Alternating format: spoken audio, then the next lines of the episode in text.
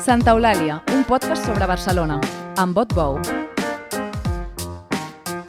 Avui parlem amb un gran caminador de Barcelona. Adrià Pujol és un d'aquests escrutadors irònics però atents a la ciutat que veuen i trepitgen i l'ha recorreguda barri a barri. Sobretot, a més a més, l'ha escrita i en podeu llegir Picadura de Barcelona, una novel·la deliciosa i divertidíssima, i Els barcelonins, un recull d'articles que abans havia publicat a la revista L'Avenç. En Pujol mirem de renovar les preguntes que ell mateix es feia en aquests dos llibres. Què vol dir ser barceloní? Quina personalitat té Barcelona? Què vol dir ser de poble i ser de ciutat? En aquest episodi de Santa Eulàlia, l'escriptor i antropòleg Adrià Pujol. Adrià Pujol és antropòleg, escriptor i traductor. Adrià Pujol, benvingut a Santa Eulàlia. Moltes gràcies. Molt contents Bon de tenir-lo aquí. Escolti, la seva mena d'alter ego a la picadura de Barcelona, que és, que és aquesta novel·la publicada el 2014, arriba a una Barcelona postolímpica. Uh, això va anar a la vida real? El paral·lelisme és autèntic? Uh, no del tot. Jo arribo a Barcelona com tothom que ve de fora a fer la carrera. I llavors m'hi quedo. I això és una mica abans de... Això quin any ha de ser? El 89, 89-90. Mm. Per tant, sí que arribo a la Barcelona olímpica, però no postolímpica, sinó arribo en, en plena efervescència dels fastos i de la demostració de força que són els Jocs Olímpics. Diguem que arribo al final del procés olímpic, no? just quan la Vila Olímpica ja està feta, quan tota la gent del PSC ja viu a la Vila Olímpica, quan tots els voluntaris de Barcelona, que són, es poden comptar per milers, eh, estan excitadíssims perquè estan col·laborant, o estem, parlo en plural majestàtic, eh, o estem col·laborant amb aixecar la ciutat des de tots els flancs, identitari, arquitectònic, turístic, comercial, social... Col·laborant, és el terme? Sí, perquè se'ns va convèncer... Mmm, bueno, últimament està molt de moda això de dir que ens han enganyat o que ens han convençut d'alguna cosa, no? Doncs és veritat, eh, el barceloní paradigmàtic, diguem mitjà, s'ho va creure, va participar d'aquesta eufòria col·lectiva alegrement. Jo crec que això, això és obvi, això no ho pot negar ningú. Amb quina esperança? Amb quina, amb quina voluntat? És que hem de pensar que la ciutat, eh, de la nit al dia, eh, pràcticament, va ser un procés molt llarg, eh, des que donen la candidatura fins que, diguem, tallen la cinta, um, però hem de pensar que la ciutat va canviar molt, i és veritat que va canviar molt. I de cop i volta la nostra ciutat, Barcelona, s'assemblava a tota una altra cosa i ho podies palpar, les places dures, el MACBA, el no sé què, la Vila Olímpica, insisteixo, les platges, tot això va passar. I d'alguna manera se t'encomana. És una mica el que està passant ara amb les superilles, que et poden agradar o no, pots tenir un discurs contrari o a favor, però la que entrepitges una eh, ja estàs còmode. Mm -hmm. És bonic eh, i és un canvi. Mm -hmm. I tot això va passar. Sobre aquell, sobre aquell moment, eh, vostè diu una cosa que, que em va fer molta gràcia perquè em sembla que li llegit també a Sergi Pàmies i a, i a d'altra gent cronista, diguem, d'aquella Barcelona en concret, que és que hi havia com una mena de- d'accés de, de voluntarisme, no? que l'esperit sí. ciutadà eh, et- vessava per tot arreu, les ganes de col·laborar, les ganes de fer coses, i que eh, sembla que la gent, quan ja sabia, quan ja no podia acompanyar la selecció neerlandesa d'hoquei a l'hotel, mm -hmm. semblava que hagués d'acompanyar les balletes pels semàfors, no? Sí, sí, sí, en Pàmies ho ha dit diverses vegades això, però a veure, és un mecanisme tan antic com les ciutats, eh? Generar identitat o adhesió a partir de la sensació que participes d'allò, això ho fan tots els pobles, ho fa... o sigui, millorem el nostre entorn, millorem la nostra ciutat, i aquesta eufòria col·lectiva, que és una adhesió identitària, insisteixo, és un mecanisme antiquíssim. Va esdevenir-se? I tant que va esdevenir-se. Uh, hi pot haver algun desengany? Sí, però els desenganys van venir més aviat quan es va reeditar aquest esperit uh, voluntari olímpic amb el Fòrum 2004. Allà sí que es va veure que no podem estar tota la vida els barcelonins treballant de franc mm -hmm. per la ciutat, no? Però ha passat altres vegades, quan, quan la cinquena flota va amarrar el port de Barcelona ara fa un segle, també va passar. Oh, hi ha nord-americans passejant per la Rambla, doncs és el mateix. Dir, van començar a instal·lar-se DJs internacionals a Barcelona. Va... De cop i volta era, érem al mapa, i els catalans i catalanes això ens No, toca... no, no, no, no ho vam saber gestionar bé. No, era per, per falta de costum o per què era? per falta de costum i, i, i, i per invasions cròniques dels veïns del costat. Però mm, una ciutat eh, que eh, identitàriament, ètnicament fins i tot, eh, però socialment, políticament, econòmicament, eh, hauria de semblar-se més a Marsella que no a París, de cop i volta era en París, barra Nova York. Bé, hauria de semblar-se més a Marsella si no fos la capital d'un estat, diguéssim, que no, que no ho és. Oh, I tant, però... i tant, tens raó, però, però sí, sí, teniu raó, però mm, és que fins i tot per, per mida, eh, per estructura de carrers, fins i tot per estructura social piramidal, eh, el nostre destí eh, lògic, si tinguéssim un estat, seria semblar-nos a Marsella, malgrat ser capital. Mm. O diguem al revés, Marsella podria ser la capital d'un petit estat. Mm -hmm. Aquest, aquesta cosa que li, que li va passar a la gent, doncs, eh, és una cosa que també li va passar a la ciutat, que tot ella es va inflar massa, que en, sí. tot això que deia de la, del, del MACBA i de les places, que com van canviar, eh, era, una, era una cosa estètica de la qual encara no ens hem després? No ens n'hem després, i això que és un model, com diu el, el Bruno Latour, un filòsof mort fa poc, eh, és un model del qual no ens n'hem després, però que era vàlid per un món que hem abandonat. M'explico. Um, això es veia molt bé a la facultat. Quan Barcelona s'inflava, uh, a la facultat uh, venien cada dos per tres a reclutar antropòlegs, sociòlegs, eh, perquè expliquéssim què estava passant. Fins i tot hi va, hi va haver una inflació d'antropologia urbana, d'art de, de carrer, de, de, no sé, de tribus noves cada dia, etc. Tot això no és nou, insisteixo, no és nou. Ha passat en tots els períodes de transformació de les ciutats modernes contemporànies, diguem-ho així. Però, és clar, esclar, hi va haver una inflació de tot tipus. I mentrestant altres coses es desinflaven. Mm. Això s'explica menys. Quines coses es desinflaven? La cura per la llengua, la cura pel comerç local, la cura... A veure, tot el que desapareix quan ve una onada de neoliberalisme i de places dures. Era una torna conscient, potser, de plans com els Jocs Olímpics? Sí que era conscient. Tot i així, eh, tot i així, ara quedaré fatal, i, però haig de fer d'advocat del diable. No es pot transformar una ciutat sense aquesta torna és impossible millorar tot el front marítim sense passar per sobre de les classes populars. Això és així. Mhm. -huh. Es podia haver fet d'una altra manera. Mm, llavors no sé d'on haurien sortit els diners. És una, és una paradoxa de la qual parlàvem fa unes setmanes amb Manel Delgado, eh, que deia la gentrificació, la, la, la gentrificació, reformar és expulsar. Però, és clar, les ciutats tard o d'hora s'han de reformar. Les superilles, evidentment, encariran més els carrers, però sí. eh, si volem enretirar el, el vehicle privat i convertir, eh, i, i convertir l'Eixample amb el bosc que Cerdà s'havia imaginat, mm, bé, d'alguna manera haurem de posar-hi diners i haurem de fer-hi obres i haurem d'encarir uh, les coses. No? Això és així, i a més a més, ara heu dit, una, heu dit la paraula gentrificació. Aquesta paraula eh, va arribar a Barcelona l'any 91, mm. o l'any 92. Ara la diem com lloros. Ara és una paraula normal, que ha passat al vocabulari normal. Tothom parla de gentrificació, però jo recordo quan la paraula era nova. I per tant, com a, en tant que paraula... a la facultat d'antropologia. Oh, perquè... bueno, I control, i biopoder, i tot això, tota la teoria, diguem-ne, urbana. Però quan gentrificació era una paraula nova, explicava moltes coses. Ara ja no explica gran cosa perquè la gentrificació és un període gairebé és un, un procés gairebé natural de substitució d'unes classes per unes altres o d'uns estaments per uns altres. Mm -hmm. Això vol dir que a mi m'agrada que sigui així? No, no, però no conec cap lloc on no hagi passat. El que passa és que vostè ara, quan parlava de, de mm, com es desinflava la cultura i com es desinflava la llengua catalana, per exemple, potser mm -hmm. en el cas de Barcelona el que ha passat, ho demano, és si, si aquesta gentrificació, si aquesta evolució natural de les ciutats ha anat acompanyada d'una despersonalització eh, molt gran i aleshores s'hi sumen les dues coses, que potser no sempre s'hi sumen. No? Potser mm. sí que de vegades hi ha reformes, però no sempre aquestes reformes són no només eh, un encariment econòmic, sinó un, un, eh, un abandonament cultural. Sí, sí, sí, d'acord, però, però eh, potser la pregunta és què enyorem? Uh, quan tots i totes, eh? diem que el nostre barri ja no és el nostre barri, quan diem que la botiga ha desaparegut i ara hi ha una franquícia, quan ben bé que estem enyorant. Uh, no estem, enyorem una realitat, però també una, una idealització d'una cosa que potser no ha existit mai. Uh, fins i tot ara es veu a Barcelona, hi ha barris amb, amb identitat forta, no? aquestes Sants, Gràcia, encara són els de sempre, eh? les mm. Corts, a la seva manera. I després hi ha barris amb poca identitat. Bé, els de Sants, quan van a l'Eixample, diuen que Barcelona s'està perdent i els barcelonins, els, de, els eixamplins, quan anem a Sants, diem, oh, que genuí. I és la mateixa ciutat i hi ha les mateixes botigues i passa exactament el mateix. Una ciutat interrompuda, no?, de fet. Uh, com diria el Julià Guillamont. Com el Julià Guillamont, I, I com totes les ciutats, d'altra banda. De fet, sí, però eh, és, és cert que aquí a Barcelona particularment hi ha, una, hi ha, hi ha com una identitat molt forta en els barris, no? Sí. Potser no particularment, però, però realment és així. Bueno, eh, encara avui, encara que sembli estrany, encara avui eh, eh, la cosa de barri a Barcelona funciona molt i molt bé perquè, vulgues que no, són, són pobles assimilats, Uh, i, això, i això previu. I això previu gràcies a associacions que no han desaparegut, de bestiari festiu, de castellers, d'aquí i d'allà. Uh, Suma-li les cooperatives més o menys hereves dels, dels ocupes. Mm. Tot això existeix i existirà sempre a Barcelona. I per moltes capes i capes que vinguin de reformes i coses, això no desapareixerà. No? Aquestes identitats fortes no desapareixeran. És més, la gent que s'instal·la a Gràcia, estrangers, adopten la identitat del barri i, et diuen, soc gracienc.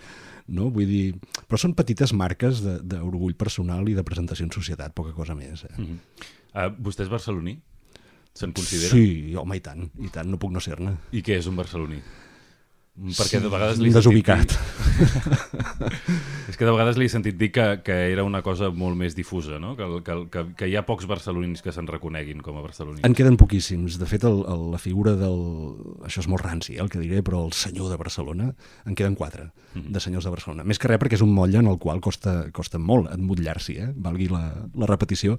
Un barceloní és un ésser desubicat permanentment perquè viu en una capital cosmopolita transnacional i alhora és d'un provincianisme que no se l'acaba. I a més a més, com que més de la meitat dels barcelonins som de fora, com és lògic en tota ciutat, encara més difusa la identitat del barceloní. Però que no ens la toquin. És a dir, és, és, una ciutat que només nosaltres podem criticar.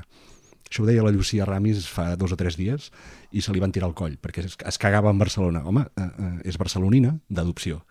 Per tant, és, té, té llicència per cagar-se en Barcelona. Mm. Aquest, aquest provincianisme que deia dels barcelonins, d'on els hi ve per això? Els hi ve d'aquesta cosa de no tenir un estat?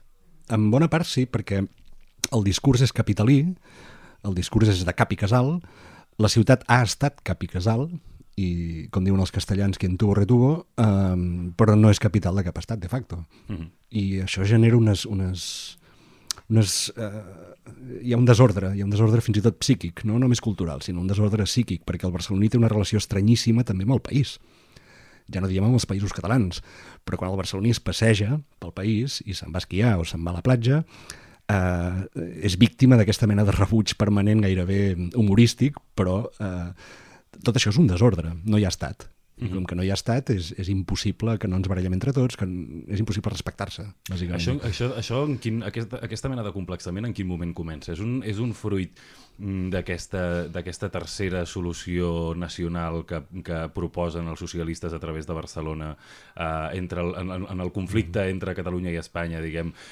que diuen creem una tercera identitat que és Barcelona Uh, i, i per tant d'aquesta manera aconseguirem que hi hagi tota una sèrie de gent que, que, sigui, que sigui possible uh, somiar amb no pronunciar-se en el conflicte nacional. Ve d'aquí o és una cosa més antiga i això és senzillament la, la seva versió moderna? Mm, la segona opció, això és la versió moderna d'una cosa antiquíssima, podríem parlar de fa 300 anys, òbviament, però és, un, és una solució, a més a més, que té un vernís, no diré espanyol, castellà, profund, perquè el fet que et puguis reivindicar barceloní i, per tant, t'estalvis la dicotomia entre ser català o ser espanyol, eh, és una fal·làcia. És una fal·làcia. És com, de fet, eh, tots, tots som turistes i quan vas pel món mm, dius que ets de Barcelona i llavors tothom associa o t'associa en un lloc del mapa, no? però no dius que ets català, i menys espanyol si ets independentista. Uh, és una tercera via que no funcionarà mai, que la poden sostenir tot el que vulguin, que hi ha escriptors, que és el meu gremi, a part de ser antropòleg, que es declaren escriptors de Barcelona. Escolti'm, però vostè què és, un panet? O, o, o una espardenya? No? Vostè és, és, bueno, Barcelona és a Catalunya i, i, ha i vostè ha de decidir uh, a més és curiós d'on és. Mm, Per, és que no es pot no ser. Dic que és curiosa la ràtio que hi ha d'escriptors que es diuen a si mateixos escriptors de Barcelona amb les novel·les que hi ha realistes i actuals sobre Barcelona, no? És clar, i abans parlàvem del, de la meva, del Picadura de Barcelona, que, que per cert, abans va ser un blog, vull dir, al, al final és, és un recull de, de, de vicissituds reals, no? Um, no, no té sentit, amb la quantitat, com dèieu, de llibres que hi ha sobre Barcelona, que passen a Barcelona, que, acumulats, eh? no té cap sentit. Ara bé, és comodíssim, perquè et permet no posicionar-te mai eh, amb, amb el tema del conflicte nacional, com si no existís. És lícit? Home, i tant que és lícit. Però no t'autoritza llavors per parlar de segons què. Si ets un escriptor de Barcelona i prou, que, que, insisteixo, què són tota aquesta gent? Eh, Yiddish, de Nova York, o, o de què van? Vull dir, no... A mi em costa d'entendre, tot i que ho trobo un tema apassionant, eh? perquè podríem discutir hores, tinc amics que són escriptors i sobretot escritores de Barcelona, uh, i no acabem mai de discutir, mm. perquè jo sóc el català, ells són barcelonins, i és una cosa bastant interessant. Jo no sóc partidari que la gent s'hagi de posicionar cada dia quan es lleva. Jo ho faig, però no puc demanar als altres que ho facin. Ara bé, vull que em reconeguin que la seva posició és la més còmoda. Mm. És, és, soc de Barcelona i prou, doncs endavant, però, però llavors és que no ets conscient, o no vols ser conscient, que Barcelona, les, les interconnexions de Barcelona amb el país, amb els països catalans, amb Espanya i amb Europa, existeixen i són les que són. Eh, quan t'arriba un tomàquet a taula, d'on ve? Què vol dir que ets barceloní? És una manera de pensar estranyíssima. Torno al Bruno Latour. El Bruno Latour, que és aquest eh, ideòleg de l'ecologisme eh, i, i del món que tenim ara, no? del món de l'ecoansietat i tot això, eh, ho ha dit fa 50 anys que ho explica aquest home, dient, escolti'm, ja no es pot ser d'una ciutat o d'un poble. S'ha de ser del món, però no com fins ara, globalitzats, eh, cosmopolites, no, no, s'ha de ser d'un món interconnectat i aquí és on els enganxes a tots, aquests que són barcelonins i prou. I des de la banda de la, de la, de la, de la, d'això que se'n diu, que, que vostè diu les comarques perifèriques i que de vegades molt graciosament se'n diu al rere país, mm -hmm. hi ha aquesta mateixa relació, creu? És a dir, això que, que dèiem que és comodíssim pels de Barcelona o per una certa gent de Barcelona sentir-se purament barcelonina, a, a, la, a la resta del país li va bé que Barcelona ja vagi per la seva banda i ja està, com un mecanisme potser d'autoprotecció, de no quedar sí. del tot atropellats per Barcelona? Home, esclar, però, però és una autoprotecció de, de, de vernissos simbòlics una vegada més. Jo, jo que tinc un peu a cada banda i que també puc fer d'empordanès professional i treballar d'empordanès, mm. eh, sé molt bé el que és, és, és la, la muralla identitària que em suposa a mi. L'avantatge que tinc de poder dir que sóc empordanès eh, és diametralment idèntica, que això és una paradoxa, eh, al fet de ser barceloní.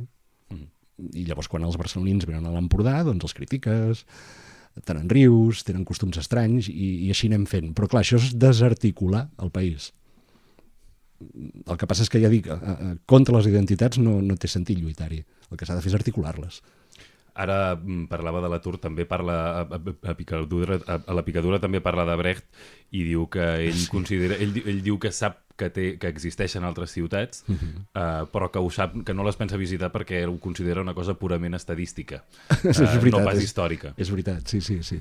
Bueno, jo ho penso, això, eh? En Barcelona. I, sí, eh, de fet, jo trobo que viatjar és absurd, però, però això és molt personal, eh? Però parlem una mica d'aquesta idea, és a dir, és una, és, una, és una sensació que totes les ciutats seran igual o és una sensació que la, la, no n'hi haurà cap, cap, que mai un ciutadà d'una ciutat trobarà que n'hi hagi cap de millor que la seva?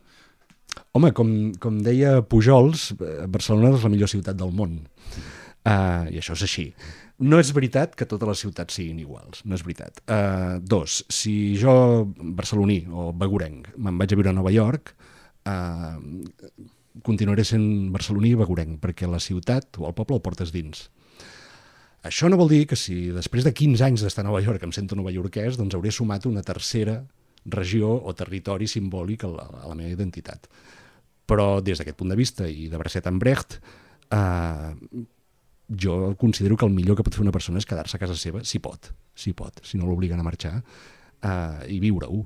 I no, des, I no pas després d'haver visitat eh, món? D'haver vist món? Depèn de... Suposo que això va amb el tarannà. Jo el viatjo, eh? I a la que poso un peu en una altra ciutat ja m'enyoro i ja començo a comparar, i deu ser un mecanisme mental obvi, però i necessari fins i tot, i determinant, no? però començo a comparar, i començo a comparar, em començo a enyorar i tinc ganes de tornar. Hi ha viatgers que no, eh? que diuen que els agrada molt, a mi no... Ho trobo absurdíssim, viatjo perquè és el signe dels temps, mm. i perquè no em vull quedar enrere i sol i, i, i, i marginat, però no m'interessa gens. Ah, el, en, després de la picadura va publicar un altre llibre que es diu Els barcelonins, eh, que és un recull, és, una, és un reguitzell d'articles que primer van sortir a l'Avens l'any 2018. Eh, L'any 2018, tot just, em sembla que a més a més era a principi del 2018, oi? Que es va publicar. Ara, no sé si era el 17, eh? Ara no doncs, me'n recordo. Doncs el 17 mateix, diguem, sí, però era, sí, sí. era el moment que el, que el, el procés, diguem-ne, començava o, o descarrilava... Mare de Déu, sí. A, però, però veníem potser d'una època d'entusiasme de, social, almenys en una part, de la, en una part del país, eh, potser semblant en el de la Barcelona postolímpica, que és uh, la, la, la que va veure vostè quan va arribar. Per, perdó que us talli, eh, però fixeu-vos-hi, el, el, el, el mecanisme de voluntarisme de l'1 d'octubre, gegantí, reprodueix, reprodueix aquell voluntarisme que mm, olímpicament només va ser barceloní i, bueno, i, i Banyoles i quatre perifèries. No? El 1 d'octubre va ser el mateix, però a nivell nacional. Uh -huh. El que passa és que la reconducció d'aquest voluntarisme potser ha estat diferent, no? Perquè precisament ara no hi ha ningú que t'acompanyi... O sigui, diguem, ja. no hi ha voluntaris de l'ANC que t'acompanyin a creuar el semàfor, com potser n'hi havia dels sí, Jocs senyor. Olímpics, per dir-ho la manera... Aquesta imatge és molt bona. A la manera pam pamiasiana, no? Sí, sí, sí. Uh, com, el, com els veu el, els barcelonins cinc anys després? Si hagués de fer un, un resum del retrat que feia llavors, una actualització de com els veu uh, després de l'apatia la, i la decepció i la frustració que va generar la manera com es va desencadenar el procés, com ho actualitzaria? de, hauria de començar a parlar dels barcelonins i de tots els altres, eh, catalans i catalanes, perquè així com a, al País o els pobles, hi veig gent molt desenganyada eh, i molt enfadada, i a més a més una mica temerària, perquè ens han enganyat, ens han enganyat, i jo normalment dic, bueno, senyor, senyora, escolti, vol dir que no ho veia, i tot i així ho havíem de fer. Jo veig això, i a Barcelona veig aquella cosa tan barcelonina que té a veure amb que la vida se t'emporta una mica. Hi ha un frenesí, has d'anar a treballar, eh, tothom està, sobretot gent de menys de 30 anys, eh, s'està buscant la vida una altra vegada, i l'1 d'octubre ha quedat... No, no s'ha esborrat, no s'ha esborrat, però no hi ha uh, aquesta desinflor enfadada que hi ha a poble. Jo és el que veig. Mm -hmm. Sort que, que això ho diu un de poble, perquè si no li dirien que està dient que els de, els de, els de poble tenien, a través de l'independentisme van poder vehicular els seus somnis i en canvi Barcelona, com que estan més distrets durant el dia, mm, poden anar tirant. Potser he dit això, però ja ho, podria dir, ho podria dir, perquè a més a més eh, eh, o sigui, l'homogeneïtat que hi pot arribar, el, el cosit social que hi pot arribar al meu poble de naixement, a Barcelona és inviable. A Barcelona hi ha una quantitat de forces pugnant en diverses direccions que, per tant, si ja el sentiment de l'1 d'octubre, de la banda que sigui, ja era difuminat o borrós, hi va haver de tot, doncs el, el dessentiment és exactament el mateix. Fins i tot els que estaven molt en contra també estan com desinfladots, no?, a Barcelona. Mm. Hi ha hagut... Deu ser una mena de, de, de després de la batalla que tothom s'està llepant les ferides, curant-se les nafres, buscant-se la vida i tornant-se a situar. I això està passant a tots els bàndols. -hmm. Aquesta sensació de, de, de, de... Aquesta sensació que potser ens han aixecat la camisa, que, que vostè deia ara, o diuen, que potser era durant, jo no la no? comparteixo, però diuen. La seva tesi és que no ens han aixecat la camisa. La meva tesi és que sabíem que ens aixecaven que sabíem, la camisa. Clar, és que... Aquesta idea, precisament aquesta idea, que sabíem que ens aixecaven la camisa, vostè té la sensació que també hi és amb el, amb el cas de la Barcelona Olímpica? Que hi havia sí, sí, una... sí, totalment, sí, sí, però, però clar, multiplicada per mil però la Barcelona postolímpica eh, va tenir una sensació monumental d'aixecada de camisa l'any 2004, amb el, amb el Fòrum de les Cultures. O sigui, es, es, es van veure les costures perquè és on, és, és on, és on s'havia de comprovar si havia, si, funcionava, si, si havia pres o no el, la Barcelona que ens havien, que, que havien promès. No? Tot funciona per, per, per, com, com les persones, com els éssers humans, per etapes de coneixement i de saviesa. Els Jocs Olímpics són el bateig, o són la comunió o són la, la llicenciatura. Llavors t'intenten tornar a colar el gol de la transformació de la ciutat mitjançant un gran acte cultural, que no deixen de ser els Jocs Olímpics o el Fòrum 2004. Però el barceloní ja ho sap, ja té memòria i ja no s'ho en passa. Ni Carlinhos Brown, ni fins i tot Carlinhos Brown al Passeig de Gràcia al cap de dos anys van reproduir aquella rua a Maria Cristina patrocinada per Movistar, no hi va anar ningú, mm. perquè el barceloní ja deia aquest model ja no. Doncs amb el procés una mica el mateix. I, i a què es deu aquesta dissonància eh, tan gran entre els somnis o, o la voluntat que tenen els barcelonins i els catalans de, de complir una sèrie de, de promeses amb després del que acaben sent? És, és purament el conflicte nacional? Hi ha una part eh, ètnica, pràcticament? Hi ha una part de condició humana? que hi ha? Hi ha totes aquestes coses i, a més a més, hi ha una crisi galopant permanent. Uh, llavors, a veure, primer el plat a taula, no? Llavors tot l'altre són coloms. Eh... Vol dir que vivim massa bé com per fer revolucions. Alguns. Eh, llavors aquesta sensació, aquesta, ara que ens estem barallant tots i totes eh, a dins del, del país, eh, finalment és qui té el plat a taula un cop passat la trifulga, les batusses, qui encara té el plat a taula i menja cinc àpats al dia i qui no.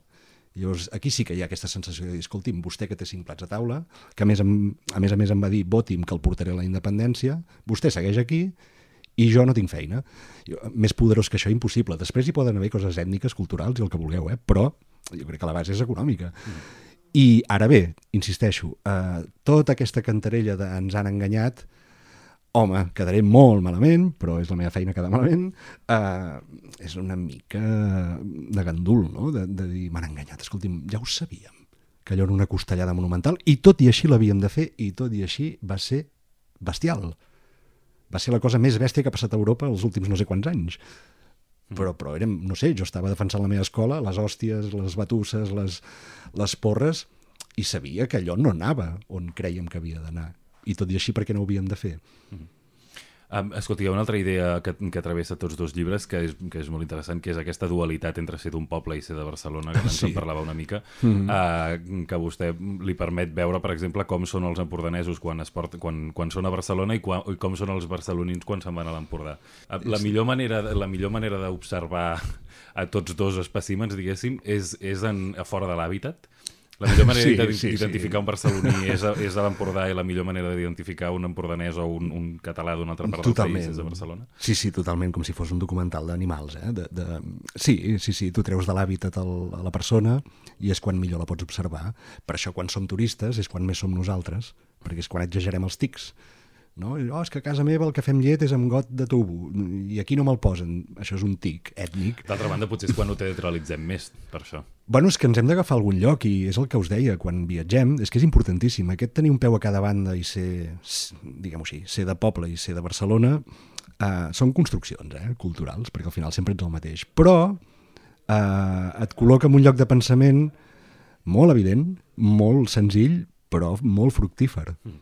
Això de les construccions culturals és una mica com la gentrificació, no? Són construccions culturals, però perquè tots són construccions culturals, cosa que no vol dir que no existeixin, no? Existeixen, no, no, ui, a veure, no seré jo que digui que, que tot és mentida i que la realitat és una construcció social. L'és, em, em però... refereixo no, no com una reflexió teòrica buida, sinó que ser de Begú és alguna cosa i, I ser tant. de Barcelona és alguna altra cosa. És una, són, són uns caràcters, és una relació amb l'entorn, és una, una, la càrrega d'una tradició, no? Absolutament. El que passa és que vaig tenir la desgràcia de fer antropologia antropologia, i llavors la lluita torna a ser de, de doble vincle, que es diu. No? Eh, jo estic obligat, quan penso com un antropòleg, a ser fred i a dir que tot és una construcció social, però quan deixo l'antropòleg a l'armari mm, fins i tot m'emociono com un senyor gran, amb, amb les coses tradicionals, amb ser de Begú, eh, bufa la tramuntana i m'emociono, i, i això és així, i, no, i a més em sembla fa fabulós que això pugui ser així.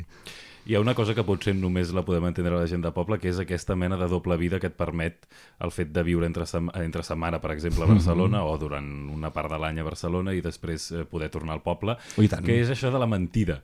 M'agrada molt aquesta idea de la ciutat com a mentida, de, sí. de, de poder ser un impostor en un lloc i en un altre, perquè com que com a mínim hi ha una, una, sèrie, una certa distància espaial entre, entre dues vessants de la teva vida, en què és lògic que segurament et comportis diferent, perquè el, els codis en un lloc i un altre són diferents, això et, et dona marge per ser una mica un impostor.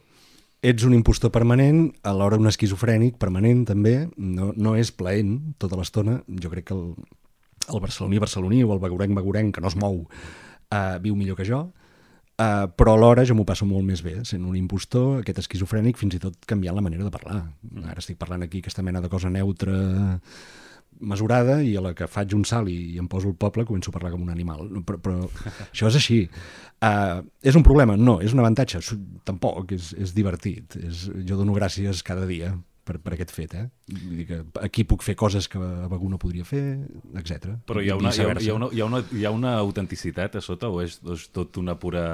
un sortit uh, de, de, de papers de l'auca que pots triar en funció d'un moment o de l'altre? N'hi ha, de... ha una sota? És que depèn, és que ens hem tornat tots una mica, una mica postmoderns, és a dir, per culpa de la postmodernitat ja no podem sentir plenament uh, què és ser empordanès, no?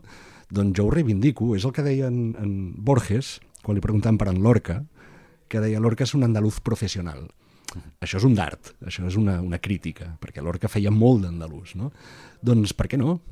Jo veig molt més sa Lorca no? fent això, o jo fent de Begurenc o fent de barceloní, per tant, agafem-nos-hi. Agafem I, de fet, el que trobo a faltar a Barcelona és barcelonins amb identitats fortes, que reivindiquin realment el que és ser de Barcelona, o de Sants, si volen, si volen més acotat, o fins i tot aquests que et diuen jo sóc del carrer tal, bueno, doncs feliç, enhorabona, però siga-ho. I, i, I per què creu que s'han perdut aquests barcelonins d'identitat forta?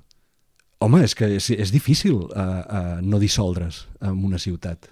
En un poble és fàcil no dissoldre's, perquè més t'ho recorden cada dia. Quan fots un peu al carrer, hi ha 30 actors de repartiment que et recorden qui ets, d'on ets, de quina casa vens, mm, què feia el teu pare... Clar, l'anonimat llima la identitat, és còmode, l'anonimat és, un, és un regal dels déus, però alhora impedeix que discursos identitaris forts t'hi sentis bé diguem, proferint-los. No? De tota manera, Barcelona és molt poble en aquest sentit. És, és, és una ciutat sí, en què és encantadora. és una cosa relativa. diguem-ne. Que, que, que, que... Tornem a Pujols, no? que deia que és més fàcil ser conegut a Barcelona que ser desconegut. Mm -hmm. És molt petit, eh? és una meravella, però és una meravella Barcelona. Al cap de, no sé si fa 20 anys o 25 que visc, però al cap de 5-7 anys saludava gent pel carrer i a mi això em sembla impagable.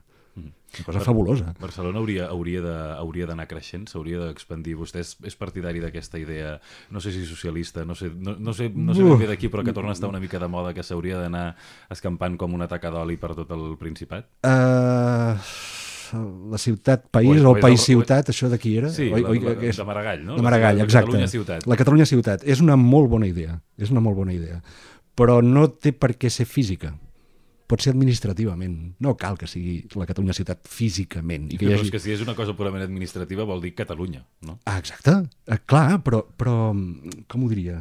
No, no crec que s'hagi d'expandir. A més, no passarà, perquè ara totes les Eh, ara està de moda fugir de Barcelona. Ara Barcelona és un infern, no sé què, que és, és una reacció subsidiària de la ressaca del procés. Eh? Però ara totes les parelles que tenen un fill eh, es pensen que és el primer fill del món i que per tant aquest fill ha de créixer envoltat de natura. I a Cardedeu estan farts de parelles de barcelonins amb nen que se'n volen a viure a Cardedeu. No? Bé, a, aquest és el tipus d'expansió natural d'una ciutat. L'expansió que fa la gent.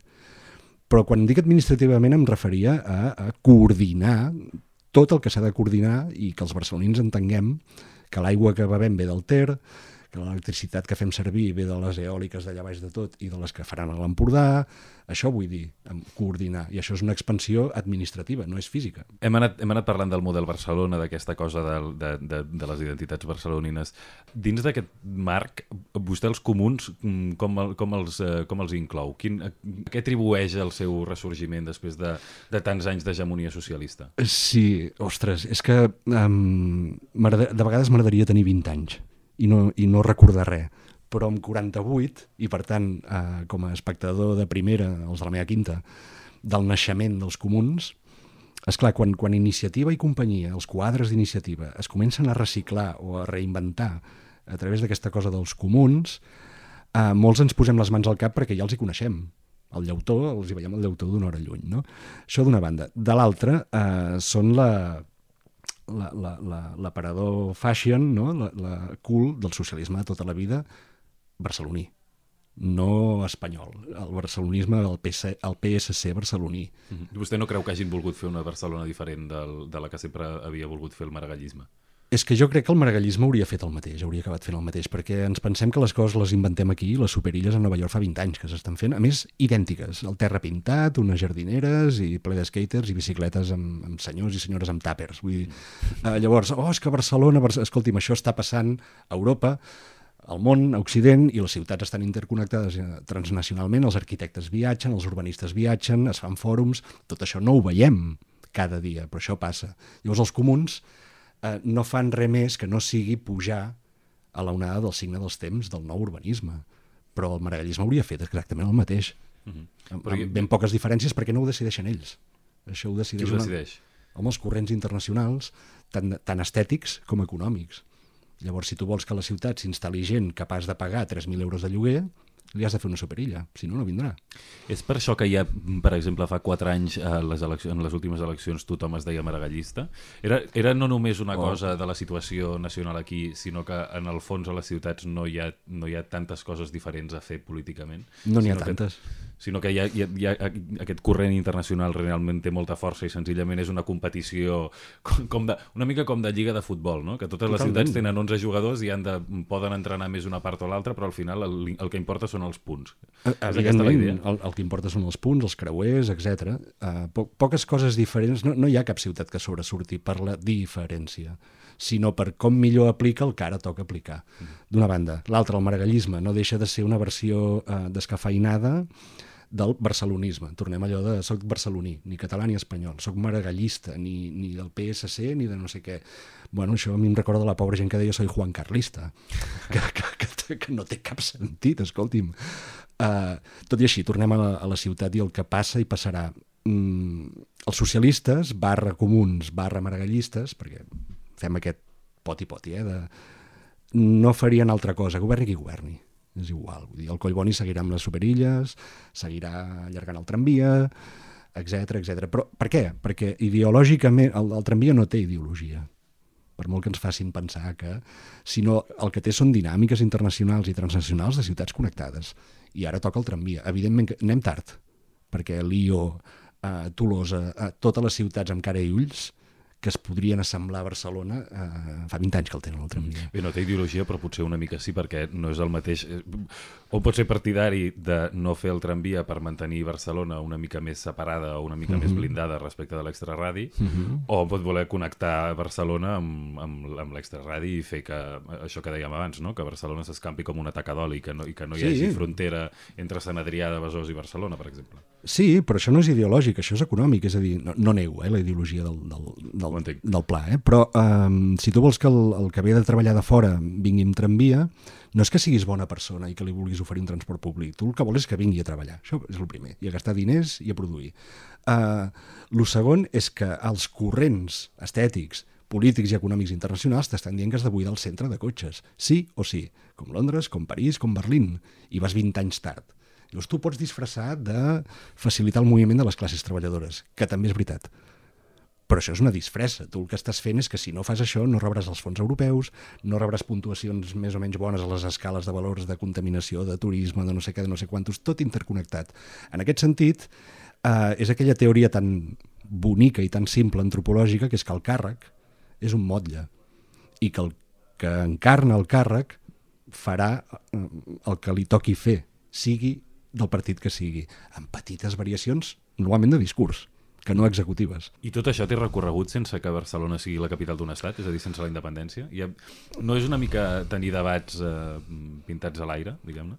Gran pregunta, perquè de, la majoria, no? 9 de cada 10 debats catalanescos o catalanoides o catalans eh, tenen a, aquest doble vincle una vegada més, tota l'estona sobre, no? de, mentre no hi hagi una capital i un estat, és espuri fer segons quins debats. Bé, eh, d'aquí no sortirem. Eh, amb, amb capital o sense, amb estat o sense, aquests debats els hem de tenir. Ara bé, jo, com molta altra gent, penso, home, que si tinguéssim un estat i una capital, tot això seria bastant més fàcil, fructífer, i, i barallar-se seria més interessant. Ens, ens estalviaríem un plus de la baralla que sempre l'hem de tenir en compte, que és Espanya. No? I tant de bo desaparegués tot això, però de moment Escolti, és un gust parlar amb vostè, estaria molta més estona, però ja per acabar, eh, està escrivint ara sobre Barcelona, una mica més? Sí, sí, sí, estic uh, polint, polint una, una novel·la sobre un cas real en el qual vaig participar, que és uh, l'any 2009, uh, vaig coordinar, o vaig participar de l'equip que coordinava la càpsula del temps de Barcelona que és una mena de... és una càpsula del temps, totes les ciutats en tenen una, dues, tres, quatre, que està situada eh, al Cosmocaixa, és un supositori gegant que s'obrirà d'aquí 120 anys. I llavors Carai. tots els barcelonins, a través d'uns fotomatons que hi havia a la, a la ciutat, deixaven missatges de com s'imaginaven la ciutat del futur. Això ho van fer per celebrar el 150è aniversari de Cerdà. És Llavors- bonic, això. És molt bonic. I, i ho he novel·lat. Ho he novel·lat perquè com que hi era i Situat recordo... 100 anys, d'aquí 100 anys. Les dues potes, procés. 2009 i 150, 2159. Sí, sí, estic fent això. Per tant, un altre llibre sobre Barcelona. Sí, Molt sí. bé, doncs eh, llegirem aquest altre llibre sobre Barcelona. Moltes Moltes, gràcies, gràcies. Adrià Pujol, per haver vingut a Santa Eulàlia. Que vagi bé. Gràcies. Recordeu que podeu enviar-nos els vostres comentaris i suggeriments a santaeulàlia.vilaweb.cat santaeulàlia.vilaweb.cat Moltes gràcies. Santa Eulàlia és un podcast de VilaWeb presentat per Otbou amb Carles Garcia al servei tècnic i a les veus Maria Castanyer.